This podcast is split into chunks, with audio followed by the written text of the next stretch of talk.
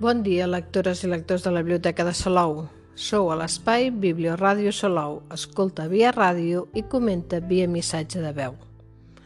Avui és dilluns 9 de novembre i el podcast d'avui us parlarà del que podem trobar a les xarxes sobre una altra de les novetats d'aquest mes de novembre de la biblioteca. Amb aquesta nova ressenya us presentem la novel·la No sabràs el teu nom, de Vicent Usó 31è Premi de novel·la Ciutat d'Alzira, publicat per l'editorial Promera. A la ressenya de la contraportada hi podeu llegir Qui vol tornar al Mas de les Òlives ara que fa anys que se'n van anar els darrers habitants amb l'esperança de trobar una vida millor a ciutat? Però algú hi torna, a la mà d'una escopeta. Miquel li diuen. Per les cambres buides, entre les parets caigudes, s'escolten encara les veus de dones com Carmeta.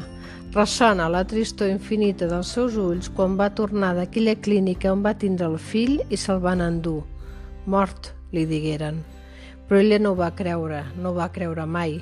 Ni tampoc Balma, la filla que tingué al cap d'un temps amb Daniel, la filla de qui va saber el nom i el rostre, la filla que, un dia també, es va preguntar què havia passat amb el seu germà. El tema, doncs, de la novel·la queda ben clar.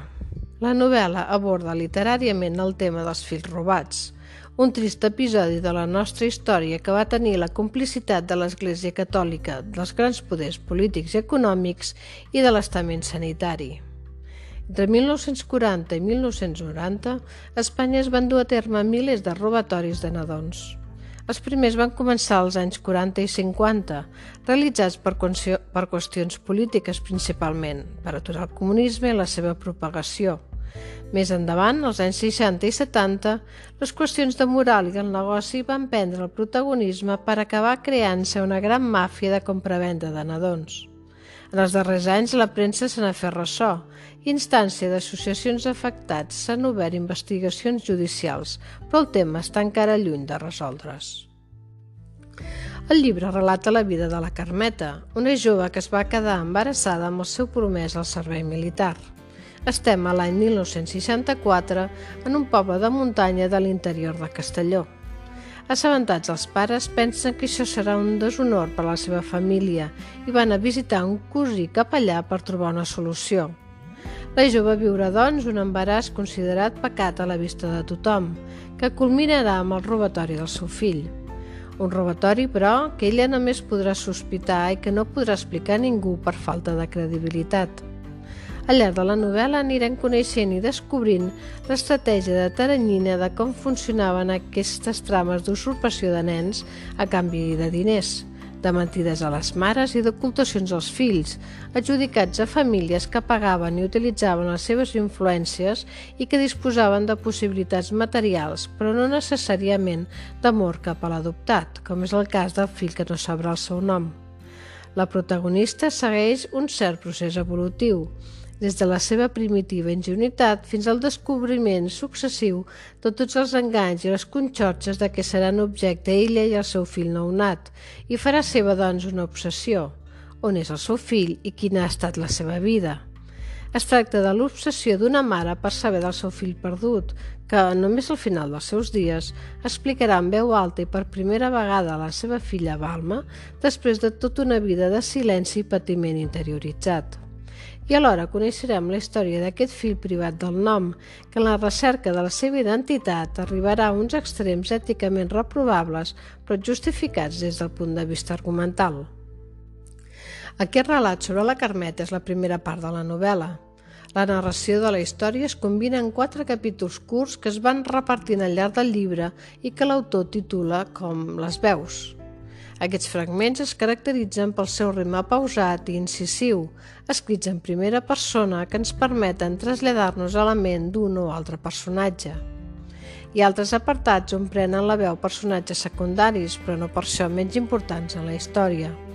En aquests, a la part final del llibre, el mateix autor es converteix en personatge, un periodista d'investigació que va trenant la trama i dirigint el cor de veus, que ens donen a conèixer la intrahistòria del poble i dels diferents personatges.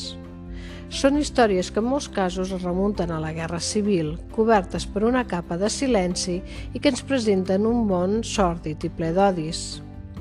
Aquestes petites narracions són les que fan que la novel·la acabi sent molt més que la presentació d'uns fets reals i ens trasllada la incertesa, la gestió del silenci de totes aquestes dones i famílies que no van expressar mai en veu alta tot el que sentien. És una novel·la que convida a la reflexió i que la seva lectura deixarà tocat a qui s'hi acosti. L'hem buscat a les xarxes i Vicent Usó hi és present amb una pàgina de Facebook i un compte de Twitter. La Viquipèdia diu d'aquest narrador valencià que va néixer a Vilareal, València, el 1963.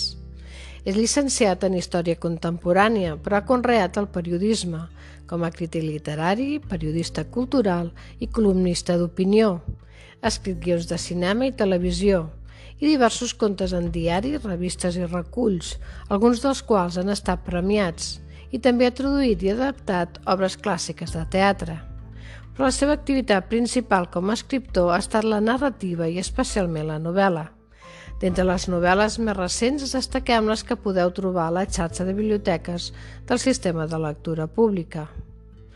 El paradís a les fosques, Premi de la Crítica de l'Associació d'Escriptors en Llengua Catalana 2019 i Premi Enric Valor 2018, el de major dotació de tot el País Valencià, i aquesta novel·la, No sabràs el teu nom, amb la qual hi manté un lligam argumental.